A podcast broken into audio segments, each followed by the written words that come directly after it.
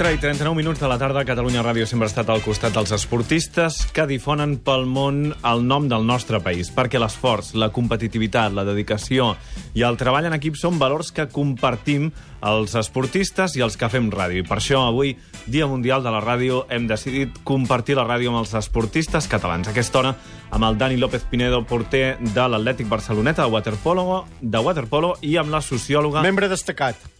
Sí, exacte. I amb la sociòloga i professora de la Universitat de Girona, Cristina Sánchez Mire. Bravo! La Cristina! Visca la Cristina i visca la sociologia que desprèn només d'entrar per la porta! T'havien dit mai que desprèn sociologia?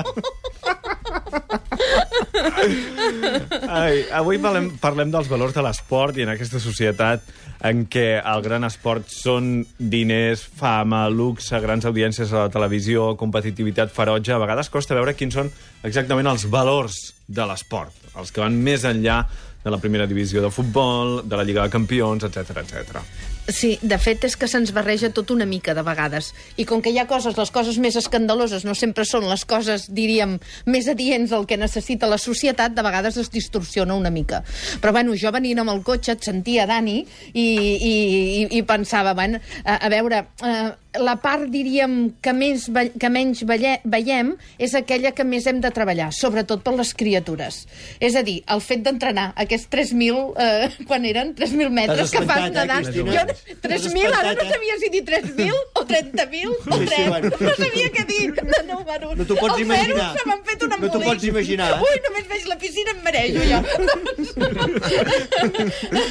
la veritat és que l'esport, de fet, és part de la nostra cultura i una part molt important per la preeminència que se li ha donat en el nostre món. I això té un, una part educativa que no només no hem de menys tenir, sinó que hem de potenciar de la millor manera possible. Perquè les criatures aprenen, no només aprenen del que els ensenyem a l'escola, o no només aprenen del que els diem això està bé, això ho has de fer o no ho has de fer, de, aprenen sobretot dels referents. I hi ha moltíssimes criatures, a més a més, que, a part d'aquests ídols, d'aquests referents que n'hi ha, que d'alguns més valdria que no sortissin mai i no fossin ídols, van molt a fer esport, perquè la majoria de nens i nenes estan apuntats a algun esport. I no penso només en futbol, eh? No penso només en futbol. Eh, bàsquet, eh, Hoquei, handbol, eh, handbol eh, tenis. El mateix voleibol, és a dir, moltíssimes coses ara s'estan practicant i d'una manera eh, que ocupa una part important de la vida d'aquestes criatures. Quan es parla d'esport, moltes vegades als mitjans de comunicació, Dani, parlem d'un tipus d'esport, d'un esport Sí. en concret i d'uns personatges molt concrets de I- i l'esport. dos equips. Exacte, i dos equips. I només homes, i només I homes. només homes. També, això també Això és és veritat. veritat. Tu d'això n'estàs una mica fart, quan poses les notícies esportives o quan agafes els diaris esportius? No, jo crec que hi ha una part de l'esport que és el, el, el futbol, en aquest cas, i les grans estrelles, que és més... Jo ho comparo més que amb esportistes com amb estrelles del rock. Llavors és una mica diferent el que és els valors, eh, penso jo, que després deu haver de tot, però una mica diferent els valors que nosaltres volem a esports petits i gent que no és coneguda, eh, inculcar a molts petits que estan entrenant amb nosaltres, que ara, per exemple, a la societat d'avui en dia no n'hi han. Llavors jo crec que és una part molt important que, que es fa des de les entitats esportives per la societat perquè formen a la gent. Mm. Ara, ara acabo de mirar un tuit d'un diari esportiu que diu, hi ha una foto d'en Piqué i diu uh, Piqué uh, comiendo una hamburguesa con Shakira. Això és un tuit d'un diari esportiu. Això és, Eh, és una notícia. Una gran notícia, eh? Una a gran mi què notícia. m'importa, saps? Sí, Eh, nosaltres- Un gran interès. Jo des del món de l'esport, bueno, nosaltres, per exemple, sempre fem conya amb això. A vegades estem esmorzant i veiem el diari i fem conyes amb les notícies aquestes. O si el Messi ha anat al cine, o si... Però bueno, és part de la societat, nosaltres això no ho canviarem. Mm, no ens importa gaire, de veritat. El sociòleg alemany Klaus Heinemann diu que l'esport no té valors en si mateix, sinó que cada persona té una experiència diferent amb l'esport. Uh, i, i, I això deu ser una miqueta així, és a dir, uh, no és que l'esport tingui un valor, sinó que les persones tenen un valor i els apliquen a l'esport o no, perquè hi ha esportistes que no són precisament un bon exemple. No, hi, ha, hi, ha, hi ha esportistes que són molt mal exemple. I el que ha canviat d'un temps ençà, o d'un temps enllà cap aquí, és que... Eh, eh, Antic, no, no vull dir antigament perquè semblarà que anem a, a, a l'anar a peu, eh? No, no, no, no, ja ho he vist que em passava. És a dir, eh, si pensem 20 anys enrere, no cal anar molt més lluny, eh, in- s'intentava que la persona no només tingués mèrits esportius, qui diu mèrits esportius, mèrits d'altre tipus, eh, literaris d'un altre tipus, sinó que fos el que es, es, es deia una persona íntegra, en el sentit que no tingués comportaments, com a mínim sabuts i proclamats, que no fossin adients als valors actuals. No ho sé.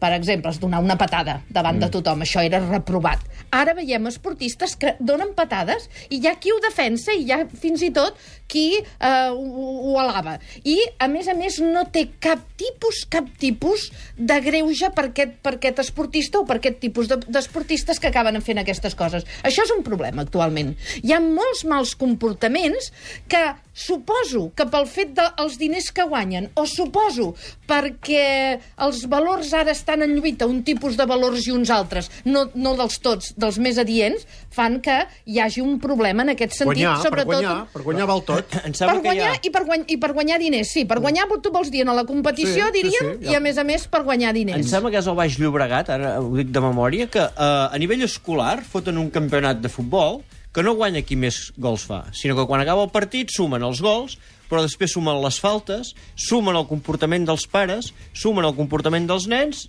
i diuen, doncs no, tu has fet tres gols però resulta que ha guanyat l'altre. Teu pare ho ha El teu pare... Pare, ho has carrat. insultat quatre vegades a l'àrbit. Sí, però és que jo que vaig amb el meu fill i volto pels camps de futbol, hi ha ratos que tinc ganes d'agafar i anar-me'n a casa.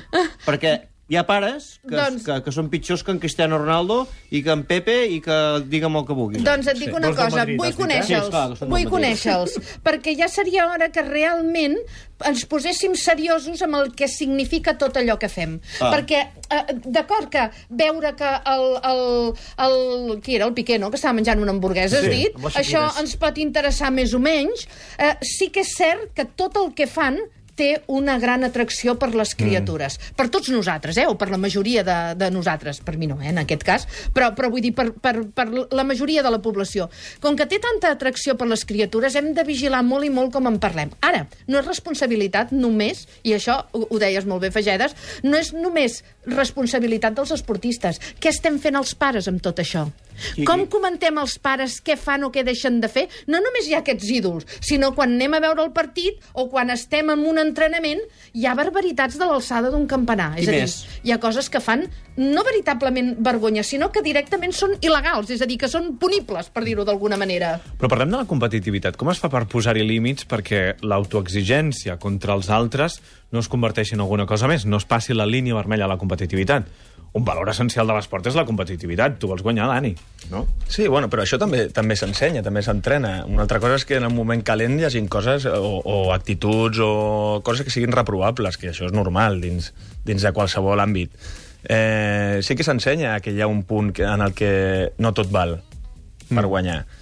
Ara, s'ha de saber on està la línia, i a vegades què es passa. Jo, mm, amb això que parlaves tu, eh, és veritat que jo he vist coses pitjors, normalment a les grades, que el que passa a l'aigua. A les, a les Perquè- grades és escandalós, és. Sí. Fa Sembla que hi vergonya, gent oi? que Oi que fa vulgui... vergonya, a més a Sí, més? hi ha vegades que... Bueno, hi ha vegades que eh, fins i tot gent del partit està mirant a veure què passa. Oh, dia. Llavors, això és greu.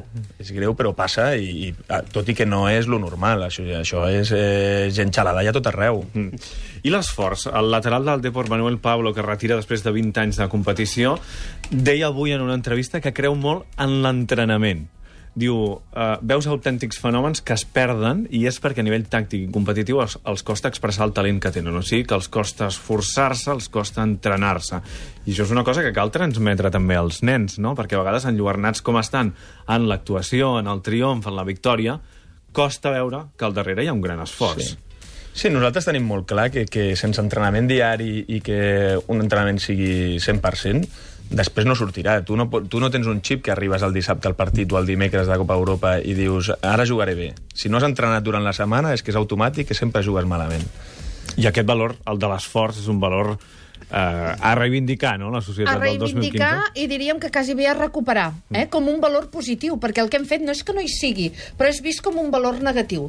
Perquè hem estat molt amb aquesta cultura del, del pelotazo, eh? que es deia a Madrid, aquesta idea de que, mira, tinc la sort o tinc una encertada o soc, mm. anava a dir un mal parit, eh? i faig no sé què que no toca i ja està, ja he triomfat i com que estic a dalt de tot i tot és permès, ja no hi ha problema.